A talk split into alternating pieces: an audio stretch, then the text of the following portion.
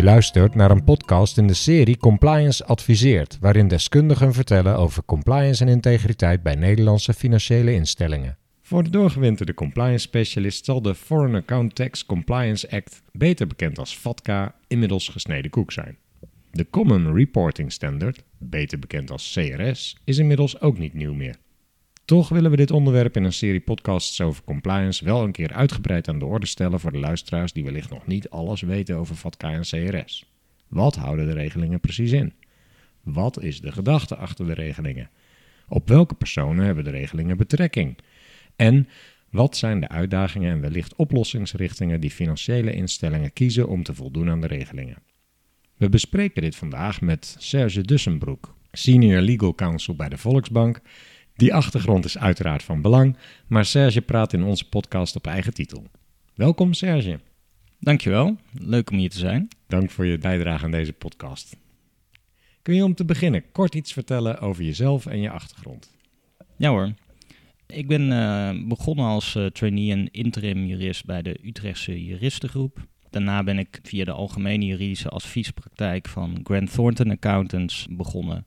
En vervolgens bij Van Landschot Bankiers beland als effectenrechtjurist, jurist betalen en klantentegriteit.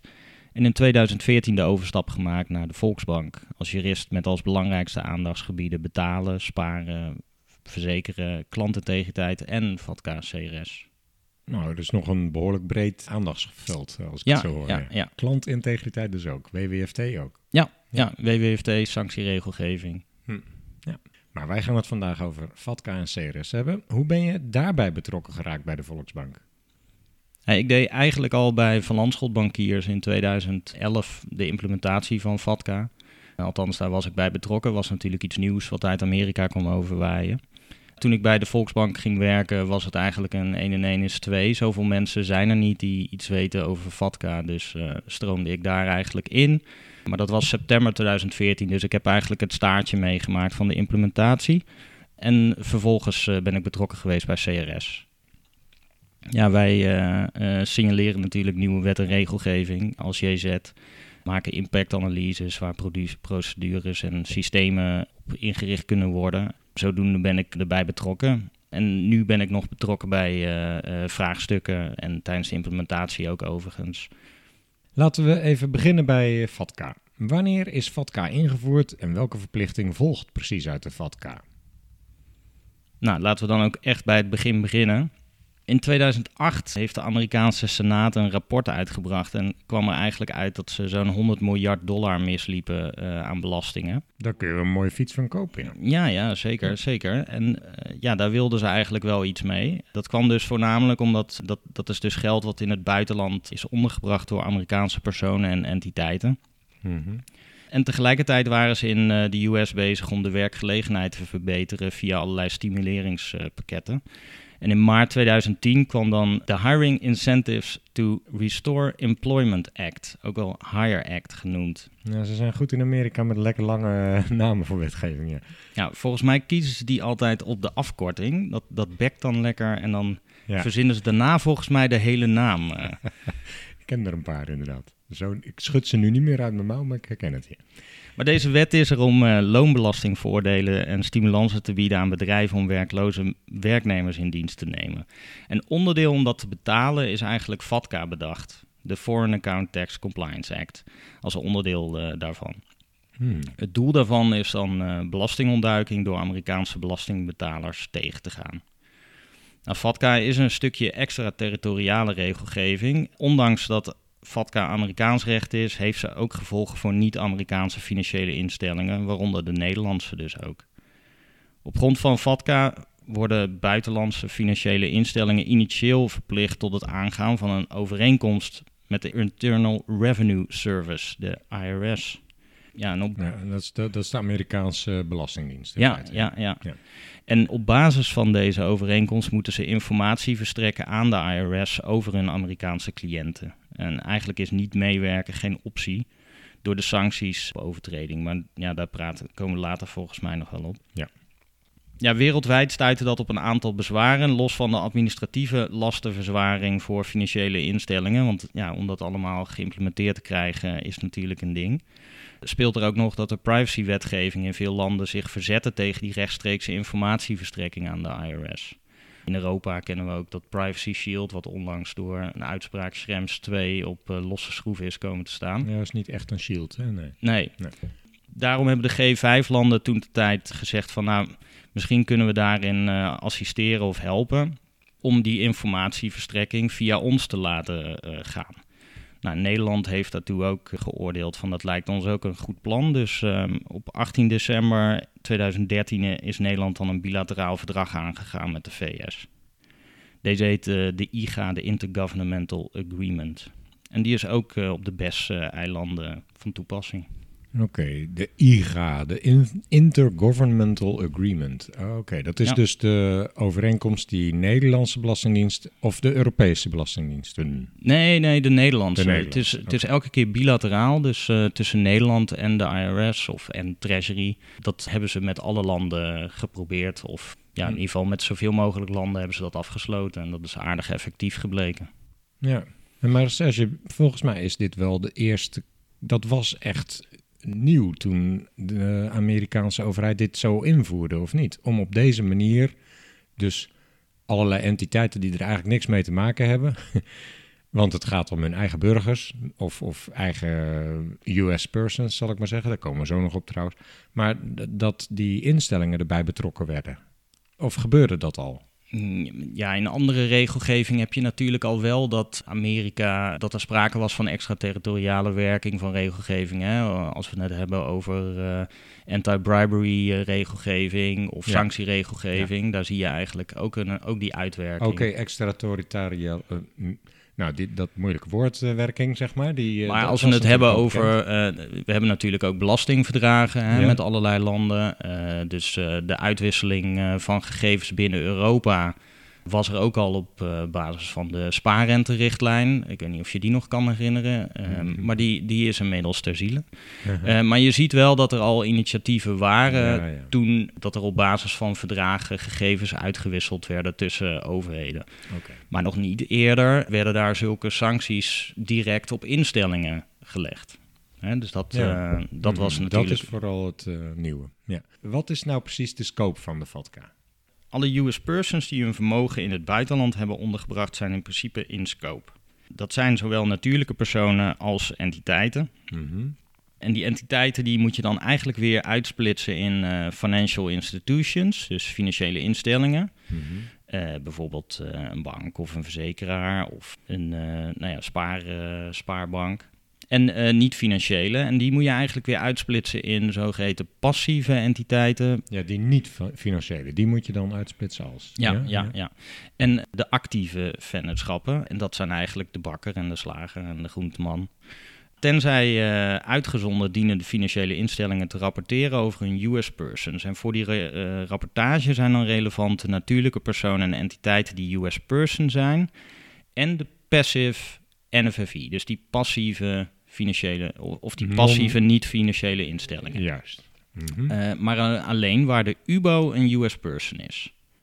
Dus het kan zijn dat een niet-financiële instelling gewoon een Nederlandse rechtsvorm heeft, maar een US person als UBO en hup valt onder FATCA. Ja, klopt. Aha, oké.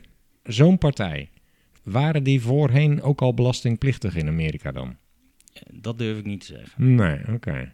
Ik kan me voorstellen dat het wel een beetje een uitbreiding is van de mensen waarvan ze informatie willen hebben. Of... Uh, ja, dat denk ik wel. Ja. Uh, ik denk dat hem in die groep trouwens hem vooral het in die US person zit. En dat die US person uh, vermogen verstopt kan hebben in die in entiteit. Die entiteit. Ja, ja, ja, ja, ja. Helder. Oké.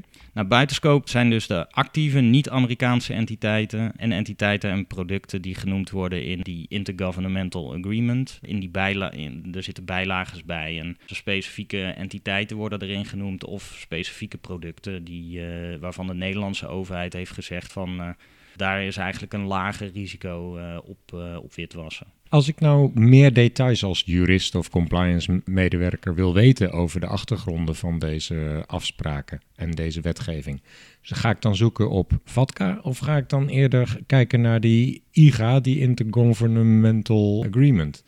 Als ik die Intergovernmental Agreement lees en die naleef, voldoe ik dan aan FATCA?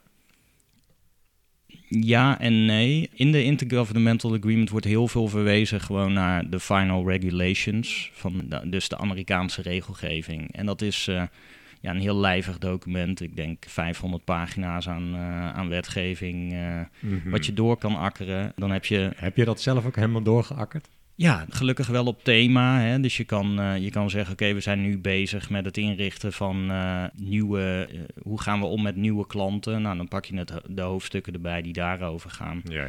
Maar het is niet heel overzichtelijk en er wordt ook heel fijn verwezen naar andere artikelen. En dan moet je weer bladeren. En uh, nou, dat is een, een uh, hoop gedoe. Echt juristenwerk. Ja. um, en daarnaast, uh, niet alles staat ook weer in die regelgeving. Dus, dus je loopt nog wel eens tegen praktische implementatievraagstukken aan. Bijvoorbeeld de wijze van ondertekening van een online self-certification, een, mm. een verklaring dat soort dingen, ja, dan moet je je wat meer verdiepen gewoon in die regelgeving. En, en waar ga jij dan heen als je extra steun nodig hebt nog? Uitleg, richtlijnen? Ja, gelukkig zijn er wel een aantal partijen in de markt die echt specialistisch werk hebben verricht bij de implementatie. Zeker bij de grote financiële instellingen. En dan moet je denken aan de grote accountskantoren bijvoorbeeld. Uh, Die, uh, die hebben veel ervaring uh, omdat die toen zijn ingevlogen om iets neer te zetten. Hm. Dus daar maak ik ook gebruik van. Oké, laten we weer teruggaan naar onze verhaallijn. Ja. welke ondernemingen en instellingen moeten nou precies voldoen aan de FATCA? We hebben net gehad welke entiteiten er in scope zijn, maar er zijn natuurlijk ondernemingen en instellingen die zelf moeten voldoen aan de FATCA. Ja, dat zijn eigenlijk de financiële instellingen in de zin van de IGA. Onder de IGA kwalificeert een entiteit als Nederlandse financiële instelling als die entiteit is gevestigd in Nederland en kwalificeert als een bewaarinstelling, een instelling die deposito's neemt, een beleggingsentiteit of een omschreven verzekeringsmaatschappij. Ja, kortom, partijen waar jij je geld onder zou kunnen brengen als US-person. Ja, niet alleen geld, het, uh, het is breder dan dat. Kijk. Uh, Zoals? ja, bijvoorbeeld deposito's en dergelijke. Ja, maar ook dingen die waarde kunnen hebben. Dus ja. uh, uh, levensverzekeringen die uitkeren bij leven bijvoorbeeld. Ja. Uh, daar zit ook een zekere waarde in. Bepaalde derivaten of swaps. Ja, oké, okay, helder. Dat zijn dan bijvoorbeeld banken, verzekeraars en dergelijke. ja, ja, mm -hmm. ja, beleggingsinstellingen. Wie zijn er eigenlijk allemaal US persons? Nou, heb je even. Uh, ik zit er klaar voor. Een natuurlijk persoon die volgens de definities een Amerikaans staatsburger of een Amerikaanse inwoner is. Daar gaat het eigenlijk om. Nou, een Amerikaans staatsburger ben je als je geboren bent in de VS of in een, uh, een van de benoemde overzeese gebieden vanaf of binnen een bepaalde periode geboren bent. Dan moet je denken aan uh, Puerto Rico, Guam, Virgin Islands of de Noordelijke Marianen. Nou, dat soort plekken. En ik heb zelf heb ik ook nog wel er eentje gevonden die niet uh, genoemd is door FATCA. Maar, maar in ieder geval, uh, je had vroeger kennelijk ook een Panama Canal Zone. Waar je ook US citizen werd als je daar werd geboren. Gefeliciteerd. Ja. ja. daarnaast, als je genaturaliseerd bent tot Amerikaans staatsburger en onder bepaalde voorwaarden als tenminste één ouder een Amerikaanse staatsburger is.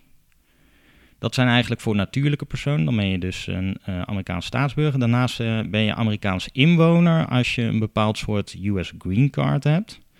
Of ooit hebt gehad. En voldoet aan de zogenoemde Substantial Presence Test. Dat is ook nog een optie. Wat is dat?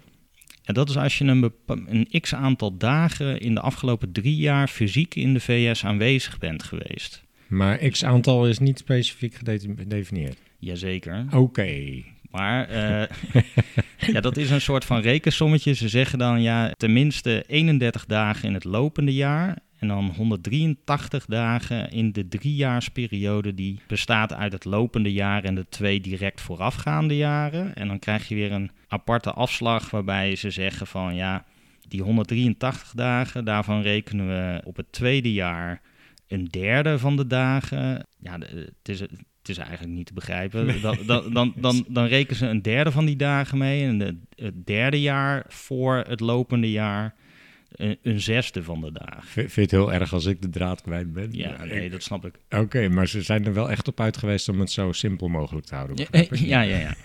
ja en eh, om, het, om het nog leuk te maken, een, een nalatenschap van een erflater die staatsburger of inwoner is van de VS wordt ook nog gezien als een US person.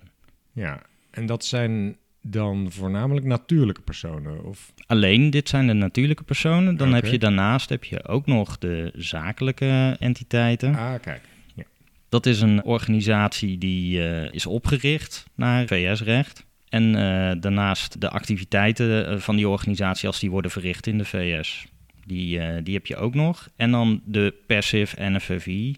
Hè, dus die passieve, niet-Amerikaanse, niet-financiële instellingen. Mhm. Eh, met een US-UBO. Jeetje, maar als je een nieuwe klant aanneemt, dan kun je toch niet nagaan of, of iemand voldoet aan een van al die categorieën of wel? Nou ja, we, we doen het toch echt al eh, een jaartje of eh, ja, zes of zo. En dat loopt wel soepel. Ja. Ja, eigenlijk wel. Eh, daar hebben we ook wel eh, eh, in de NVB-verband eh, hard aan getrokken om een systematiek te verzinnen die, waar, ja, waarmee je daarmee om kan gaan. Hè? Mhm, ja, een goed formulier vooral ontwikkelen waarschijnlijk. Ja, ja, ja. Hoeveel mensen ben je al tegengekomen die in Panama zijn geboren rond 1903? Nee, nee, Nee. niet veel. Nee, oké, nou goed. Het betreft een Amerikaanse wet. Dat hebben we al vastgesteld. Waarom moeten Nederlandse financiële instellingen zich daar dan aan houden? Die wet is geïmplementeerd in de Nederlandse belastingwetgeving. Het verdrag wat, we, wat Amerika en Nederland zijn aangegaan is geïmplementeerd in die eh, belastingwetgeving. Eh, daarmee is het dus ook Nederlands recht geworden. En eh, nou ja, in de basis zit hem dat dus in de rapportage, verplichtingen die banken hebben. Ja, daar staat een bestuurlijke boete op eh, door de Belastingdienst. Eh, en er staat zelfs als er met de opzet eh, bepaalde informatie niet wordt geleverd, dat er zelfs strafrechtelijke gevolgen aan zitten. Als er opzet dus in het spel is, dat er zelfs een, gevangenisstraf op kan staan voor, voor de personen die dat dan hebben bedacht. Maar de gedachte daarachter blijft natuurlijk ook... we willen graag dat mensen waar ze eh, middelen van de overheid gebruiken... dat ze daar ook gewoon hun eerlijke deel van belasting afdragen. Ja. Maar we hebben het hier ook over een heleboel mensen... die waarschijnlijk nauwelijks in Amerika iets doen. Eh, tenminste, ik kan me voorstellen dat het oorspronkelijke idee...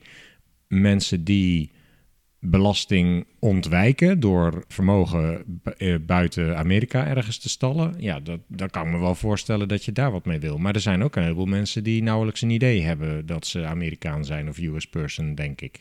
Ja, ja nee, dat, eh, dat is zeker zo. ja. Maar die maken de- toch ook helemaal geen gebruik van de voorzieningen in Amerika. Waarom Nee. zouden ze dan belasting moeten afdragen? Of is dat een vraag eh, die, die ik niet aan een jurist moet stellen? Nou ja, ja dat, dat, dit is eh, eh, zeker een pijnlijk punt. Het heeft niet zoveel te maken met eh, of je het vraagt aan een jurist. Kijk, je, eh, maar Amerika belasten eh, inwoners anders dan eh, eh, andere landen. Eh, Ja. En dat doen ze op basis van eh, geboorte en eh, eh, onder andere.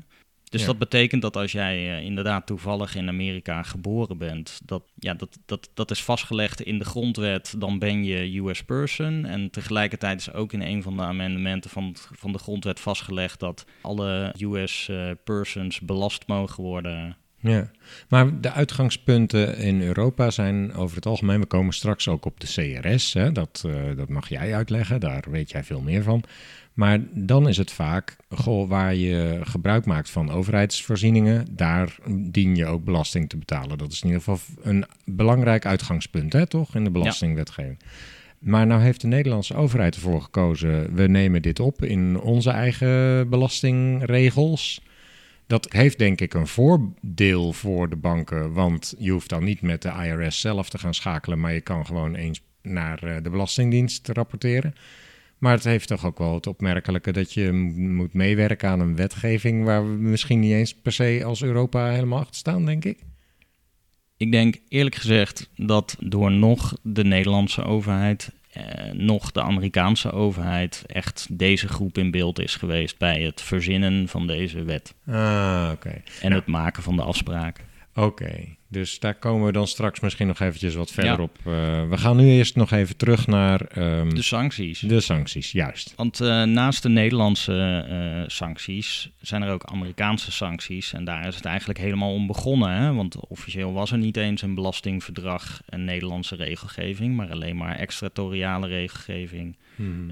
van, van de VS. En die zijn vrij pittig, want als je moet rapporteren eh, als financiële instelling, dan heb, word je ook geacht je te registreren bij de IRS als financiële instelling. Daar krijg je een, uh, een Global Intermediary Number krijg je daarvoor terug, een GIN. Maar voor alle zekerheid, dat, dat was nu niet meer nodig, toch? Als je je bij de Belastingdienst meldde. Nee, dan hoefde je niet meer een aparte overeenkomst aan te gaan. Aha, oké. Maar je moet je nog wel registreren. Mm want anders kunnen ze ook moeilijk nagaan of er eigenlijk wel wordt gerapporteerd door bepaalde instellingen. Je hoort wel, Serge, ik weet er nog niet zoveel van. Nee, dat jij het nee, zeker. dat was je al opgevallen, oké.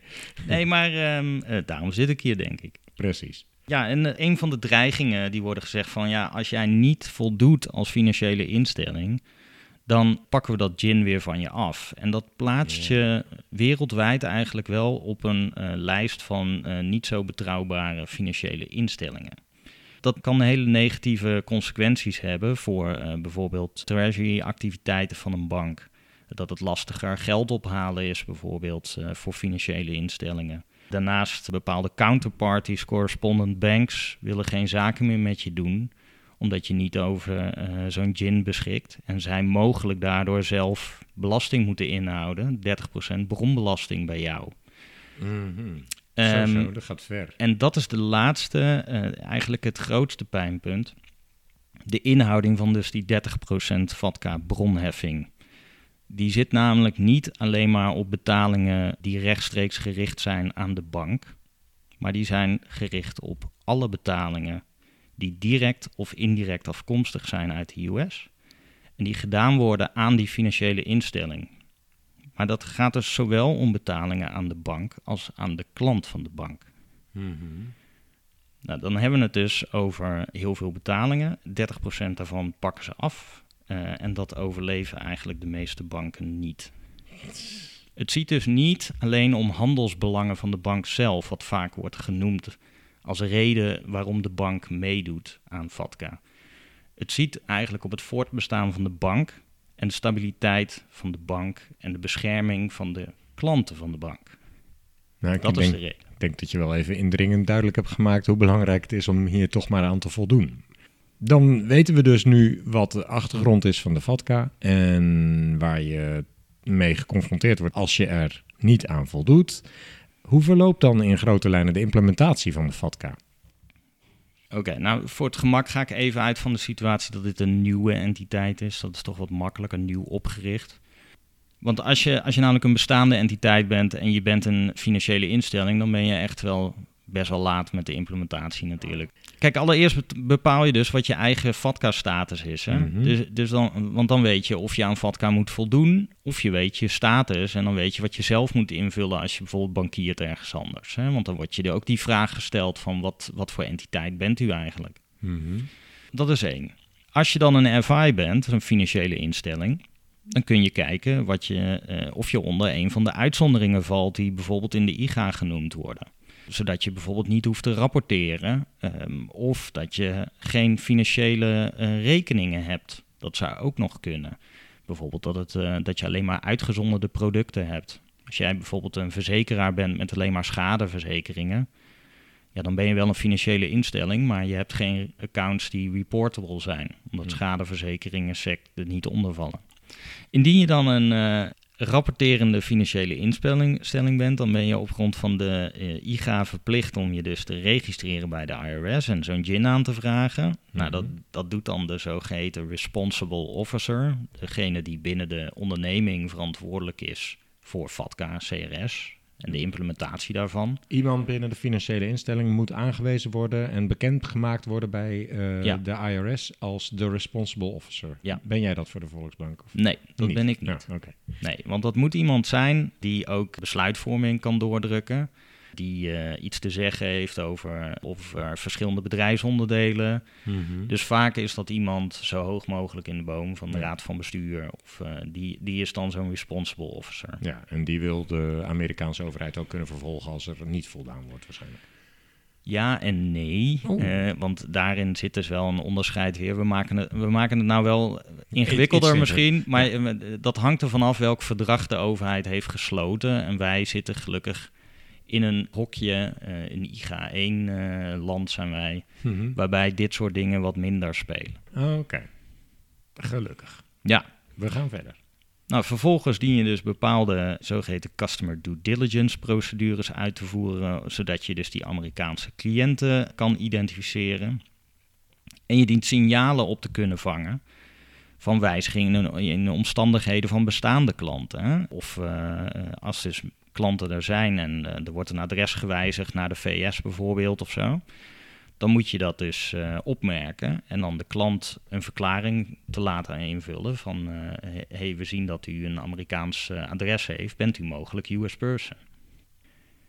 Daarnaast moet je dus inregelen dat je jaarlijks kan rapporteren via de Nederlandse Belastingdienst aan de IRS. Dus dat zijn eigenlijk de vier hoofdstappen.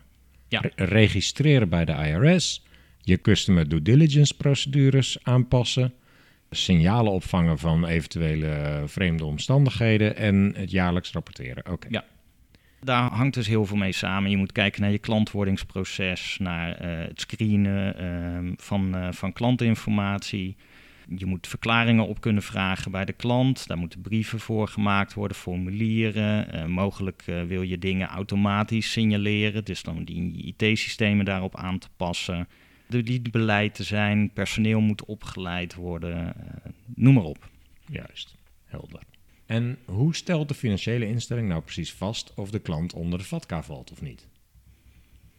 Nou, ik neem dit eh, toevallig eh, neem ik even een bank als voorbeeld. Ja, een goede keuze. Ja, ja. Dat is wat makkelijker. De bank niet, dient een nieuwe klant een verklaring te laten invullen. Daar komt het eigenlijk neer. Een zogeheten self-certification formulier. De bank kan daarvoor gebruik maken van de formulieren van de IRS, de zogenaamde W8 en W9 formulieren. Maar dat zijn, zoals wel vaker bij eh, Amerikaanse belastingdiensten, ja, vrij ingewikkelde formulieren Mhm. in het Engels. Ja, wij vonden dat niet erg klantvriendelijk. Dus binnen MVB-verband hebben wij een eh, eigen formulier eigenlijk ontwikkeld. Toen eh, was trouwens ook nog het geval dat zo'n W8 en W9 formulier beperkt houdbaar was. Dus eh, na drie jaar moest je eigenlijk weer hem vernieuwen en moest je weer de klanten aanschrijven. Hmm. Terwijl een eigen formulier, dat, daar hoefde dat niet voor. Dus, eh, Je hoeft het ook maar één keer vast te stellen bij het boorden van de klant. en bij wijziging van omstandigheden. Wat voor omstandigheden moet ik dan aan denken? Nou, wat ik net aangaf, eh, stel dat, er, dat iemand verhuist naar de VS Ja, ja. en zijn adresgegevens wijzigt bij de bank, dan moet er een signaaltje komen van hé, hey, er is mogelijk sprake van, nu, van een US person. Oké, Ja. En dan moet je een formulier weer toesturen. juist. Nou, zoals gezegd dient de bank volledigheid van die ingevulde gegevens te valideren. Hè, dus eh, zo'n formulier te controleren. Mhm. En een beoordeling te maken of er reden is om aan te nemen dat die verklaring correct of incorrect is. Eh, En daarmee volstaat het ook. Ik bedoel, als je kunt aantonen dat je dat hebt geprobeerd vast te stellen, eh, ben je off de hoek, denk je? Of nou, proberen vast te stellen, nee. is niet voldoende? Nee, je, dient het, je dient het gewoon vast te stellen, de redelijkheid van de verklaring. Oké. Ja, dat is van belang. Zo'n vermoeden dat iemand US person is, dat, dat doen we aan de hand van een aantal indicia. Dat zijn er zeven. Bijvoorbeeld een eh, Amerikaanse nationaliteit, geboorteplaats, adres in de VS. Maar er zit een telefoonnummer in de VS, maar Mhm. eh, er zitten ook gekke dingen tussen, zoals eh, ja, of je overboekingen doet naar de VS, of je gemachtigde of vertegenwoordiger is woonachtig in de VS. Eh, dat soort dingen. Nou kan ik me bij een aantal van die indicia, mooi woord, voorstellen dat het direct leidt tot vaststelling. Deze meneer of mevrouw valt onder de VATCA. Maar bijvoorbeeld die structurele overboekingen, dan moet je er dus nog verder op, op gaan inzoomen, denk Nee, ik. eigenlijk, eigenlijk zijn al deze indicia zijn louter triggers om te zeggen van we gaan naar de klant toe. Om te Ah, vragen wat er aan de hand is. Oké. En dan dient hij uh, of een uh, plausibele verklaring te geven dat hij geen US person is. Um, mogelijk ondersteund door aanvullende documentatie. En uh, net wat je zegt, ja, soms is iets onomstotelijks. maar, dan, maar dan hebben we nog steeds bepaalde informatie niet van hem. Hè? Dus we hebben een zogeheten US-TIN, een Amerikaans belastingnummer, ook van hem nodig. En dat vraag je niet standaard uit. Hm. Althans, niet iedereen vraagt dat standaard uit. Je stuurt het VATCA-verklaring wel aan alle klanten. Of kun je al zeggen, goh, ik weet, deze persoon is in Nederland geboren, heeft helemaal geen banden met Amerika verder. Die kunnen we al, alleen in de gaten houden of er bijvoorbeeld Amerikaanse betalingen over de lijn gaan. Ja, ten aanzien van uh, FATCA is er eigenlijk destijds bij implementatie en in de IGA is er een mogelijkheid van cherrypicking opgenomen. Mhm. Dat is dat je eigenlijk mag kiezen of je de procedures volgt zoals Nederland met de VS heeft afgesproken of die in de final regulations staan. Mhm. Ehm, en onderdeel daarvan is dus ook ja, dat je dus bijvoorbeeld ervoor kan kiezen dat je eerst screent op die indicia. Dus je doet je normale uh, AML KYC. Mm -hmm. inderdaad. Uh, en vervolgens ga je zoeken, kom ik die indicia tegen? En pas aan die groep stuur je een formulier. Juist. Maar je kan ook lekker lean en mean denken en zeggen van ja, voor iedere nieuwe klant die krijgt gewoon dat formulier. Ja, ja. Dat is een beetje een kwestie van hoe klantvriendelijk wil je zijn. Ja, ja. Oké. De bank gaat verder. Wat dan? Je hebt natuurlijk ook nog de, de, de zakelijke klanten. Mm Ja, en voor de bepaling of zo'n rekeninghouder nou een actieve of een passieve NFI is, moet de FI zich uh, baseren op een verklaring van een rekeninghouder. Hè? Dus, uh... ja, sorry, even nog terug. Wat was nou ook alweer actieve of passieve NFI?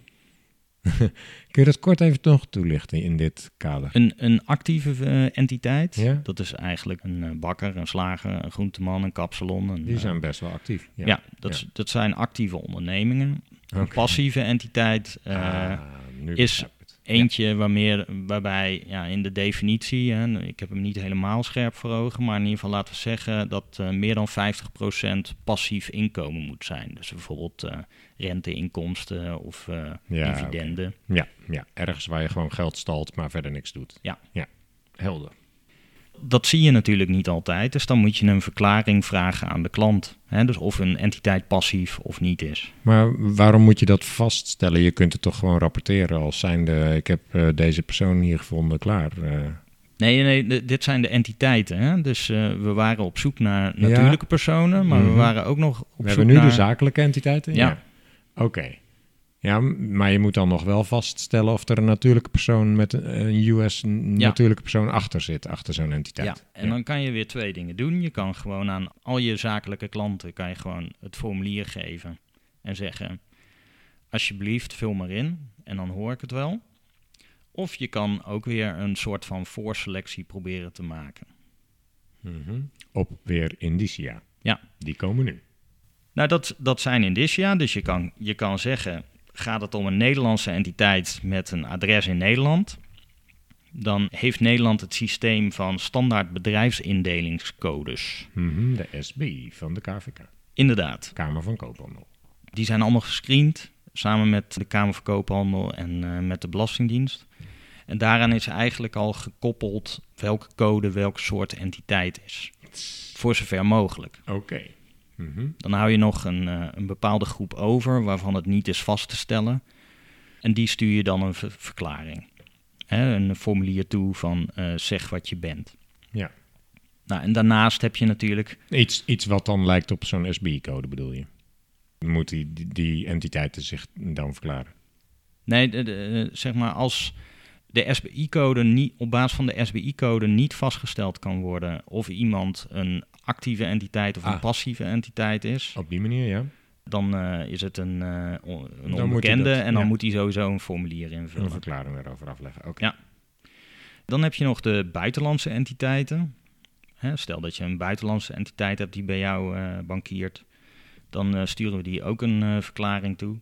En dan heb je nog een US-entiteit die bij jou een rekening aanhoudt. Dan is het ook een kwestie van een verklaring vragen. Kan een US-entiteit ook niet onder FATCA vallen? Als Eh. bijvoorbeeld alle natuurlijke personen eigenlijk niet Amerikanen zijn? Weet ik niet, dat mag je dan zelf verklaren eigenlijk. Hmm. Maar in de basis, als, eh, als er sprake is van US plaats van oprichting en een adres in de VS, Dan, dan wordt het al eh, snel FATCA. juist. En dan, volgens mij hebben we dit beeld nu redelijk rond. Klopt Ja. dat, Serge? Ja. Laten we overgaan op hoe het rapporteren dan in zijn werk gaat. Hoe, hoe, je heb, we hebben al iets gezegd over dat er een samenwerkingsverband is tussen de Nederlandse Belastingdienst en de Amerikaanse Belastingdienst, de IRS. Maar hoe werkt het in de praktijk? Nou, voor een bank worden deze gegevens aangeleverd bij de Belastingdienst in dezelfde stroom als eigenlijk in de ransonering. Hè, in eh, Nederland. eh, Ransonering is? Eh, dat is eigenlijk de gegevensaanlevering van eh, de Nederlandse financiële instellingen aan de Belastingdienst in het kader gewoon van de aangifte. Ja, ja, dat moeten banken gewoon eh, en financiële instellingen verplicht op basis van de belastingwetgeving. Ja, Juist, oké. Vandaar ook de aanpassing van die belastingregelgeving. Daarin is dan een extra hoofdstukje toegevoegd, VATCA-aanlevering. Ja. Maar voor andere entiteiten eh, ja, heeft de Nederlandse Belastingdienst ook nog een stappenkaart ontwikkeld. En die zeggen dus van ja, je moet je aanmelden bij de Nederlandse Belastingdienst in het kader van VATCA of gegevensaanlevering. Eh, dan na goedkeuring krijg je eh, toegang tot een account. Sorry, wie krijgt die toegang dan? De financiële instelling die moet rapporteren. Ja, ja. ja, de klant zelf weet daar dan niks van. Die weet dat er eh gerapporteerd gaat worden. Maar die is er niet bij betrokken bij die Nee, rapportage zelf. nee. Duidelijk, helder. Je krijgt dan een account op het eh, portaal VATCA CRS van de Belastingdienst. En eh, daar kun je gegevens uploaden in een bepaald format. Oké, en hoe vaak doet eh, een financiële instelling dat? Eén keer per jaar. En maakt dat nog uit aan het begin, eind, altijd? De Nederlandse Belastingdienst moet voor een bepaalde datum weer aan de IRS aanleveren. Ik geloof dat dat september is, geloof ik. Eh, de Nederlandse banken die rapporteren dus eh, eerder in het jaar vanwege de aangifte. ja, dat is in juni of zo. Eh, ja, weet ik eigenlijk niet. Maart misschien al. Eens per jaar. Ja. Daar houden we het even op. Oké. En welke gegevens betreffende klanten en wil de eh, IRS, of nou ja, de Belastingdienst in dit geval dan weten eh, om eh, aan FATCA te kunnen voldoen? Gegevens als eh, NAW-gegevens, eh, het rekeningnummer, het US-TIN, het eh, Social Security Number van de klant. Het saldo van de rekeningen, eh, de ontvangen rente, dividenden, opbrengsten van verkoop, eh, terugbetalingen, eh, afkopen van vermogensbestanddelen, al dat soort zaken willen ze weten. Willen ze ook weten als iemand groot grondbezitter is of vastgoed heeft? Of... Nee, fysiek vastgoed, daar zijn ze niet in geïnteresseerd. Oh, dus daar kun je het lekker nog in verstoppen dan. Eh, ja, Interessant. Dat is wel apart, toch? Of eh, zie ik dat verkeerd? Ja, ik denk dat financiële instellingen dat het daar een beetje lastig voor is om dat eh, Vast te stellen. vast te stellen en daarover te rapporteren. Zeker ook wat de waarde daarvan is. Weet je of er andere manieren zijn waarop de IRS dat dan in kaart brengt? Nee, nee, niet dat ik weet. Nee, oké. We gaan verder. Het gaat dus niet om fysiek vastgoed. Het moet gaan om een te rapporteren rekening. En dat is breder dan dus alleen een bankrekening. Eh, je moet dan denken dus aan eh, termijncontracten, verzekeringspolissen met een geldswaarde. Dus bij levensverzekeringen zie je dat nog wel eens. eh, dat dingen voortijdig tot eh, uitkering kunnen komen. Een eh, bewaarrekening en een depositorekening vallen daar ook onder. Daar valt behoorlijk wat onder, ja. En er zijn dan ook een paar rekeningen uitgezonderd. Daar wordt eigenlijk een laag risico gezien op belastingontduiking. En die worden dan uitgesloten van die rapportageverplichting. Bijvoorbeeld een, eh, een kapitaalverzekering, eigen woning of een pensioenproduct zijn voor FATCA uitgezonderd. Hm. Dat staat dan in de IGA. Zijn die nou uitgezonderd omdat de FATCA daar niet op ziet? Of is dat omdat de Nederlandse overheid dat slim uitonderhandeld heeft met de IRS? Nee, dat, eh, zo'n kapitaalverzekering, eigen woning is zeker niet standaard wereldwijd. Dus dat zijn eh, mogelijk typisch Nederlandse situaties. Oké, en daarom staat het in dat IGA. Ja. Oké. Welke invloed heeft de FATCA op klantrelaties voor financiële instellingen? Nou, dat is een behoorlijke invloed. eh, zodanig dat als de financiële instelling geen geldige verklaring ontvangt van een nieuwe klant, dat de rekening niet geopend wordt. En ook kan het zijn dat een bestaande klant, in de zin van deze regelgeving tenminste, hè, eh, eh, pas een nieuw product kan openen als hij FATCA-compliant wordt. En dat wil zeggen dat hij dus alles precies invult, die formulieren. Ja. Dan is een klant in principe FATCA compliant, als Ja. dat formulier gewoon compleet ondertekend ingevuld is. Ja. Oké.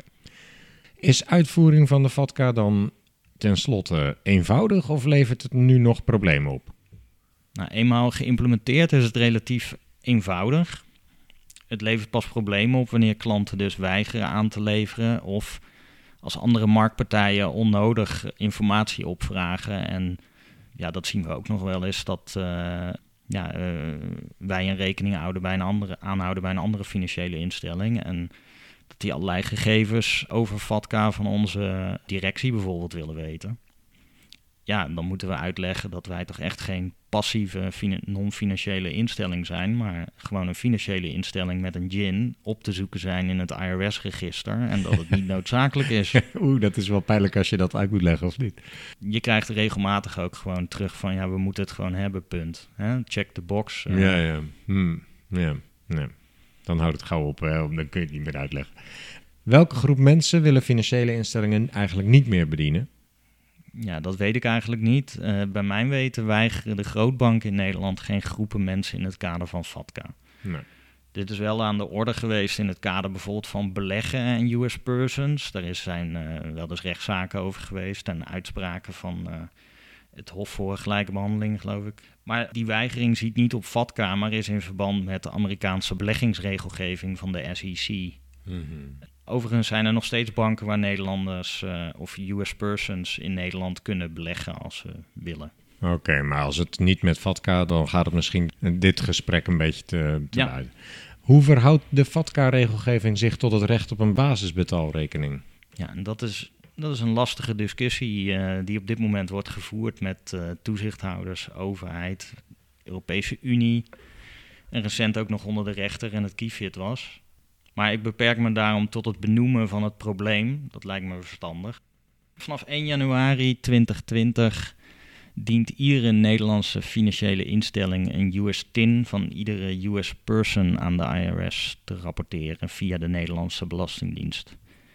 En als ze dat niet kan, dan loopt ze het risico om eh, non-compliant verklaard te worden met eh, nou ja, de eerder genoemde boetes en gevolgen die we al hebben besproken.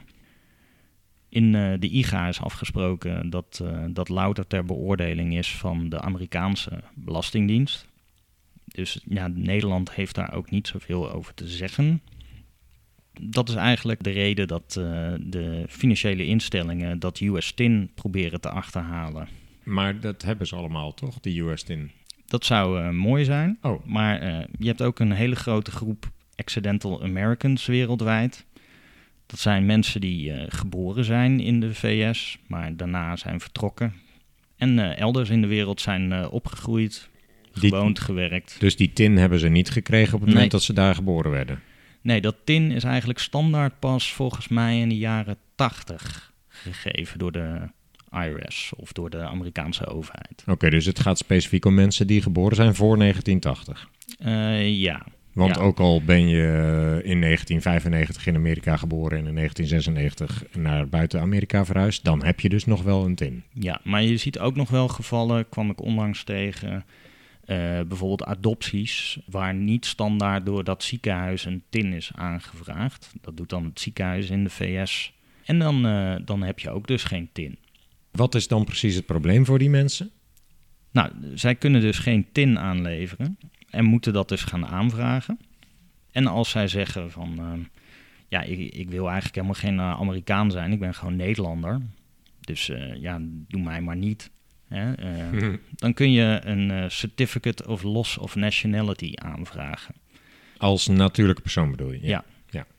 En dan moet je dat aanvragen. Amerika die heeft eigenlijk met de inwerkingtreding van FATCA de fee daarvoor verhoogd. Sterker nog, vrij fors, van eh, eigenlijk gratis naar 400 euro en daarna naar 2350 dollar. Ja, 400 dollar was het dus. En 2350 dollar kost het nu. dat is een soort van verkapte belastingregeling of zo. Uh, nee, dat is puur administratiekosten, eh, zeggen ze zelf. Ja, maar ik bedoel, ze vermoeden misschien dat er nog ergens belasting betaald zou moeten worden. Weet je wat, dat verrekenen we in die kosten of zo. Nee, nee, want Oh. dat moet je ook nog doen. Je Oh, moet kijk namelijk aan. nog over de vijf voorgaande jaren belastingaangifte doen en het lopende jaar. Oké, het gaat best ver. Ja, want daar zitten gewoon hele hoge kosten aan. Want je, eh, in Amerika eh, staan er vrij forse boetes ook op het maken van fouten in je belastingaangifte. Dus vaak is het nodig om dan een Amerikaanse belastingspecialist in te huren. En ja, en die moet die aangifte dan ook nog eens doen. Dus eh, ja, die, die kosten kunnen oplopen. Ja, die mensen zitten er niet echt op te wachten om iets te doen daaraan überhaupt. nee. die willen gewoon een rekening. Nou, en dan kennen we in Europa de zogeheten basisbetaalrekening. Dat is zeg maar ook een issue. Iedereen in, die legaal in de EU verblijft en een werkelijk belang heeft bij het openen van een basisbetaalrekening, die moet er een kunnen krijgen. Dat is eh, wat de Nederlandse eh, of de, de Europese regelgeving eh, zegt. Mhm. En die heeft een limitatief aantal weigerings- en opzeggingsgronden die ook wettelijk zijn opgenomen. En daar valt deze niet onder. Ik bedoel, die mensen die dus niet Amerikaans burgerschap of zo willen opzeggen. Of, dat- Eh, nou ja, in, in, in beginsel wel. Daar zit nog wel een punt in en dat is eh, een van de weigerings- en opzeggingsgronden is de WWFT. Maar de basisbetaalrekening is niet opgenomen als een uitgezonderde rekening voor FATCA onder de IGA. Dus ik vertelde over die annex 2, waar allerlei rekeningen en producten onder vallen. Mhm, mhm. Maar die basisbetaalrekening die staat er niet uitgezonderd. Dus dat betekent dat die in beginsel gewoon eh, Gerapporteerd. moet gerapporteerd moet worden en dus over een tin eh, moet beschikken. Mhm. Ten slotte krijg je dan nog de situatie dat als een klant dus weigert een geldige verklaring aan te leveren of een bank niet zijn tin aanlevert, of aangeeft dat hij die niet heeft en ook niet wil opvragen, dat de bank dan een risico loopt op schuldwitwassen. Want iemand moet belastingaangifte doen op grond van regelgeving in het land waar die eh, belastingplichtig is. Daar kun je van alles van vinden, maar dat is dan wel de situatie. En dat wordt dan niet gedaan. En dan leidt dat dus tot belastingontduiking. En dat staat gelijk aan witwassen. Ja, dus je bent als financiële instelling, eh, loop je dan het meeste risico op bo- boetes onder de WWFT dan? Nee, dat is, dat is de WWFT inderdaad ook. Strafrecht, toch? Eh, Oh, ja, ja maar, maar, maar, maar ja, witwassen is witwassen. Eh, Ja. Dus, dus in die zin eh, ehm, ja, Ja. heb je daar dus ook een probleem. Dus je snapt het dilemma en de spagaat Ja. waar we in zitten. Mhm. Ja, maar dit is vooral een politiek probleem. En ja, daar moet het, de oplossing ook liggen. Wij voeren in feite gewoon de regelgeving uit die er ligt. Een bank kan dus voor de keuze komen te staan: ik moet een basisrekening leveren, maar ik moet ook een FATCA-rapportage doen. En voor deze persoon kan ik dat niet. Dan, dat is het dilemma in het kort. Ja. En daar is op dit moment dus eigenlijk nog geen echte duidelijkheid over hoe dat opgelost zou kunnen worden. Nee. Nou, dat zijn duidelijke antwoorden. Dankjewel, Serge. Laten we het nog gaan hebben over eh, de Common Reporting Standard. Ja, De CRS. Want dat is dan denk ik de Europese tegenhanger van de FATCA. Nee, niet Oh. alleen op Europees niveau. Het is wel de tegenhanger. Eh, op Europees niveau staat natuurlijk de bestrijden van belastingontduiking ook hoog op de agenda. Mhm. Eh, dat was, was eh, ja, in eh, 2010 eh, ook al het geval. ja, we hebben en al eerder ook podcasts- We hebben ook al wat podcasts in deze serie Ja, ja. gemaakt over. Je, je hebt ze gehoord? Ja, ik heb er een paar heb ik Oh, ik word zo enthousiast nu over je serie. We hebben natuurlijk in Europa hebben we ook de uitwisseling van gegevens in het verleden ook al opgezet eh, via eh, de EU-spaarrente-richtlijn. Mhm, Eh, en de intrekking van het bankgeheim heb je op een gegeven moment gehad. mhm. Ehm, en binnen de OESO, de Organisatie voor Economische Samenwerking en Ontwikkeling, is hier ook over gesproken en in 2014 de Common Reporting Standard ontwikkeld. Mhm. Nou, deze is door Europa geïmplementeerd in een Europese richtlijn in de Directive on Administrative Cooperation 2.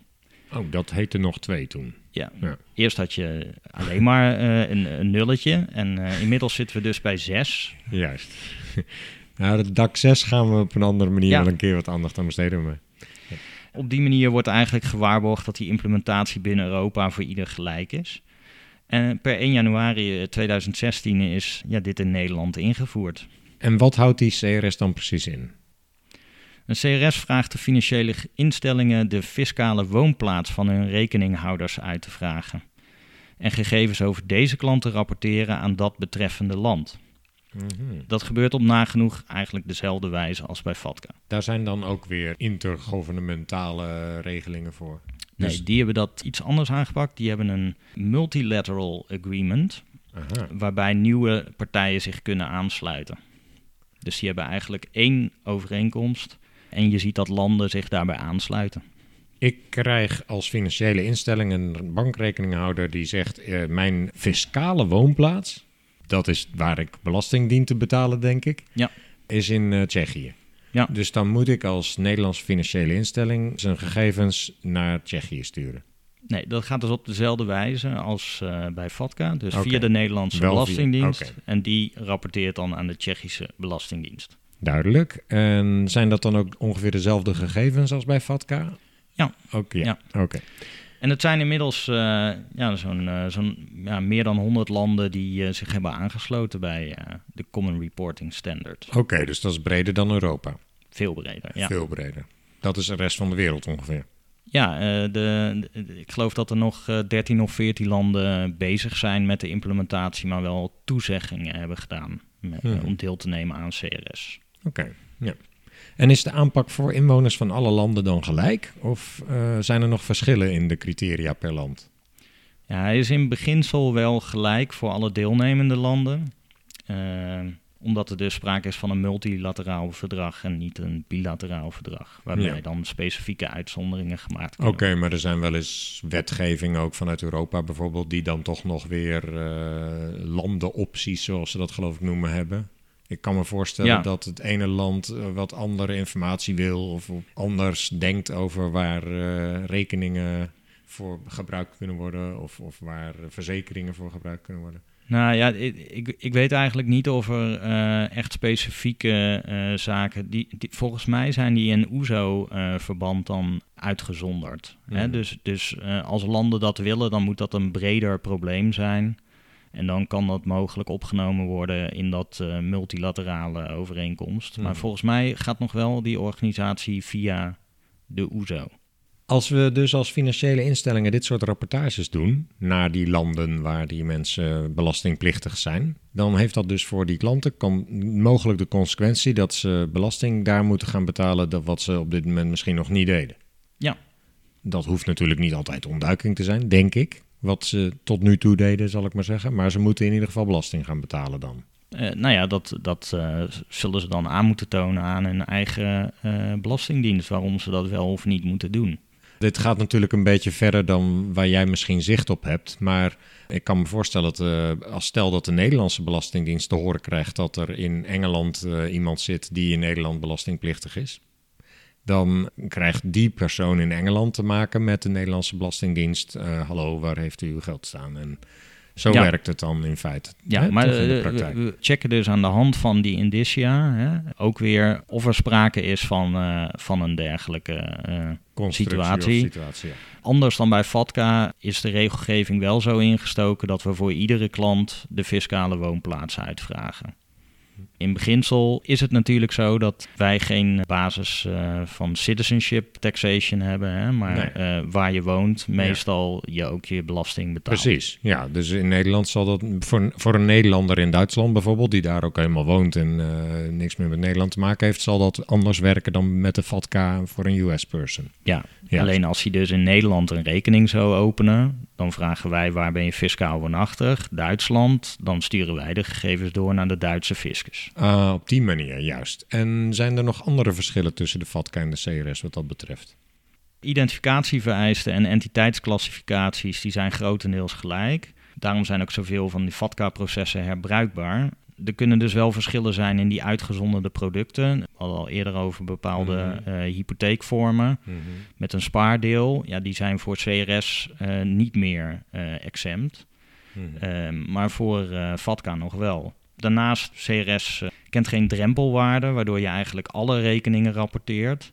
In FATCA zitten nog wel drempelwaarden, dus bepaalde be- rekeningen onder een bepaalde eh, waarde, 50.000 dollar bijvoorbeeld bij particulieren, die eh, hoef je niet te rapporteren. Mhm. Oh, dus de FATCA biedt nog mogelijkheden om je vermogen een beetje te spreiden. Uh, ja, ja, waren het niet als je daar nu mee begint, dat mensen dus vragen wat is je tin? En dan krijg je dus geen rekening omdat je geen tin wil aanleveren. Of, uh... Ja, want als je je tin wel aanlevert, dan ziet de Amerikaanse overheid... Uh, nee, maar dan is er over mij niet gerapporteerd. Ja, nee, nee, Stel dat, dat ik bij de Volksbrand 40.000 ja, euro zet. Nee, terecht, terecht. Dat zou kunnen. Ja. Oké. Waarom is de FATCA eigenlijk niet de wereldwijde standaard geworden? Waarom moest er een CRS bedacht worden? Nou ja, dat zit hem dus juist in die... Uh, andere opvatting over andere belastingplicht. opvatting over belastingplicht, ja. ja maar ja, eigenlijk is hij ook wel weer wel wereldwijd uitgerold. Hè? Met een kleine tweak. Extratoriale werking daardoor. Nee, maar de, de, CRS is natuurlijk alleen maar uh, is daarop geënt. Ja, FATCA was iets eerder. Uh, en uh, ja, dat werkte. Iedereen werkte eraan mee. Dus ja, CRS had, had ook succes. Want ja, dat lijkt daar heel erg op. Ja, we hebben het uitgebreid al besproken hoor. Maar kun je ook voor zowel onder FATCA als onder CRS vallen? Ja, dat kan. Oké. Dus als natuurlijke persoon bedoel ik in dit geval, hè? Uh, ja. Ja, als financiële instelling sowieso natuurlijk. Nee, nee. Eh, de, kijk, we hebben een voorbeeld uh, net genoemd. Hè? maar laten we even kijken. Stel, stel dat je een Belg bent, maar je bent geboren in de VS, maar je woont in België en je opent een rekening in Nederland. Ja. ja. Dan um, vragen we beide uit. Ja. En dan val je zowel onder CRS als onder FATCA. Ja, en dan weet de Belgische overheid dat je je geld in Nederland hebt staan en dan weet de Amerikaanse dat ook. Ja. En dan ga je dubbel betalen. Fijn. Zijn FATCA en CRS volgens jou effectief? Denk je dat de regelingen bijdragen aan het voorkomen van belastingontwijking? Nou, ontwijking niet. Het ziet echt op ontduiking eigenlijk. Ontwijking is meer DAC 6 dus. Maar ja, in 2019 is er dus wel een onderzoek gedaan naar de effectiviteit van uh, uh, CRS uh, en de, de DAC althans, de, de, de Europese uitwerking daarvan. En op Europees niveau is in ieder geval gezegd van ja, het is lastig de effectiviteit te meten, maar het is wel effectief, wordt er gezegd. ja, ja. Uh, de, kosten worden geschat op zo'n 230 miljoen en de opbrengsten 620 miljoen. Ja, ik, ik, vraag me af of die schattingen allemaal uh, kloppen. CRS geeft natuurlijk wel inzicht in waar het geld zich bevindt. En dat is natuurlijk wel interessant. Hè? Uh, je ziet natuurlijk wel dat heel veel geld in Luxemburg zit of in. en dan kun je met zo'n land in gesprek gaan waarom dat eigenlijk zo is. Hè? En of daar iets aan gedaan kan worden.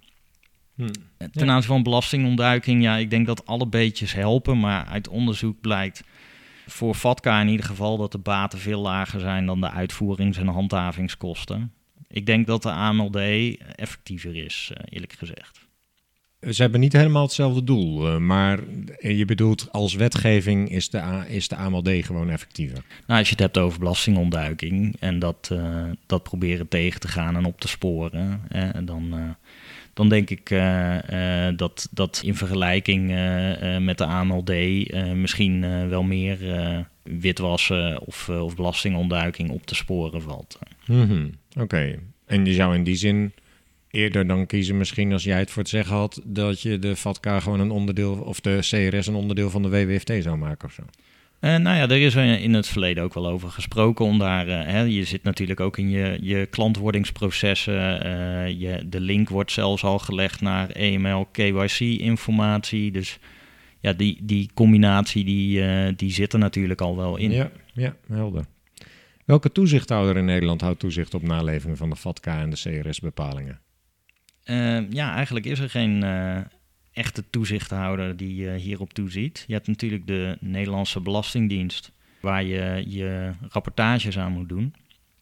Ja. Dus die komt eigenlijk nog het dichtst in de buurt. Uh. En de Amerikaanse overheid dan voor wat betreft de FATCA misschien? Ja, want zij reageren weer op uh, um, ja, fouten in de aanlevering en geven dat weer terug. En dan vervolgens komt het weer bij de financiële instelling. Ja, en dan zou je ook kunnen zeggen, misschien voor Nederland de, het Openbaar Ministerie gewoon. Hmm, dat weet ik niet precies. Omdat je, als je je belastingwetgeving niet naleeft als financiële instelling, dan ben je gewoon strafbaar en dan komt het OM achter je aan, denk ik. Ja, wanneer je dat bewust zou doen, uh, mogelijk wel. Maar wanneer ja. ja. je als financiële instelling alles rapporteert wat je kan rapporteren, vraag ik me af. Ja, maar er is niet echt een toezichthouder specifiek voor CRS. Nee. nee. En de minister van Financiën is dan de zogeheten competent authority in de uh, overeenkomst met de VS, die dan namens Nederland zou kunnen handelen. Ja. ja. En wat zou nou de rol van compliance moeten zijn in dit geheel, in jouw ogen? Ik denk dat compliance vooral uh, het uh, beleid uh, zou moeten maken. En de, de, de keuzes ja, moeten kijken van oké, op welke manier kunnen we het zo effectief mogelijk in de organisatie implementeren en toch gewoon wet en regelgeving volgen. Ja. ja, dus ze zijn wel bij Volksbank bijvoorbeeld ook betrokken geweest bij het project van implementatie. Ja, en weet jij of daar nog monitoring op van toepassing is? Dat er in de, op de een of andere manier in de gaten gehouden wordt, leven we dit nog goed na, ja of nee? Ja, ja uh, dat, is, uh, dat is zeker aan de orde. Um, ja. het is, uh, je hebt natuurlijk audit die, die kijkt of bepaalde zaken goed lopen. En, en compliance zelf kijkt ook of alle processen natuurlijk nog, nog goed lopen. Ja. Mm -hmm. Voordat we gaan naar mijn laatste twee vragen. En de eerste is over de toekomst. En de tweede is, en denk er maar vast over na, heb je nog een advies voor de luisteraars? Voordat we daar naartoe gaan, uh, wilde je nog iets toevoegen aan, aan, het hele verhaal over de FATCA en CRS? Of denk je dat we hiermee alles behandeld hebben wat relevant is? Nee, ik denk echt uh, dat we voor deze podcast uh, erg uitvoerig hebben stilgestaan bij FATCA CRS. Ik dank je voor de enorme hoeveelheid details en informatie. Dank je wel. Ja, graag gedaan. Um, Welke ontwikkelingen verwacht je nog van wetgevers op het vlak van CRS, VATCA? En op welke termijn natuurlijk? Ja, dat is heel lastig te zeggen. Voor CRS zie ik eigenlijk geen echte ontwikkelingen binnen nu en een jaar of zo.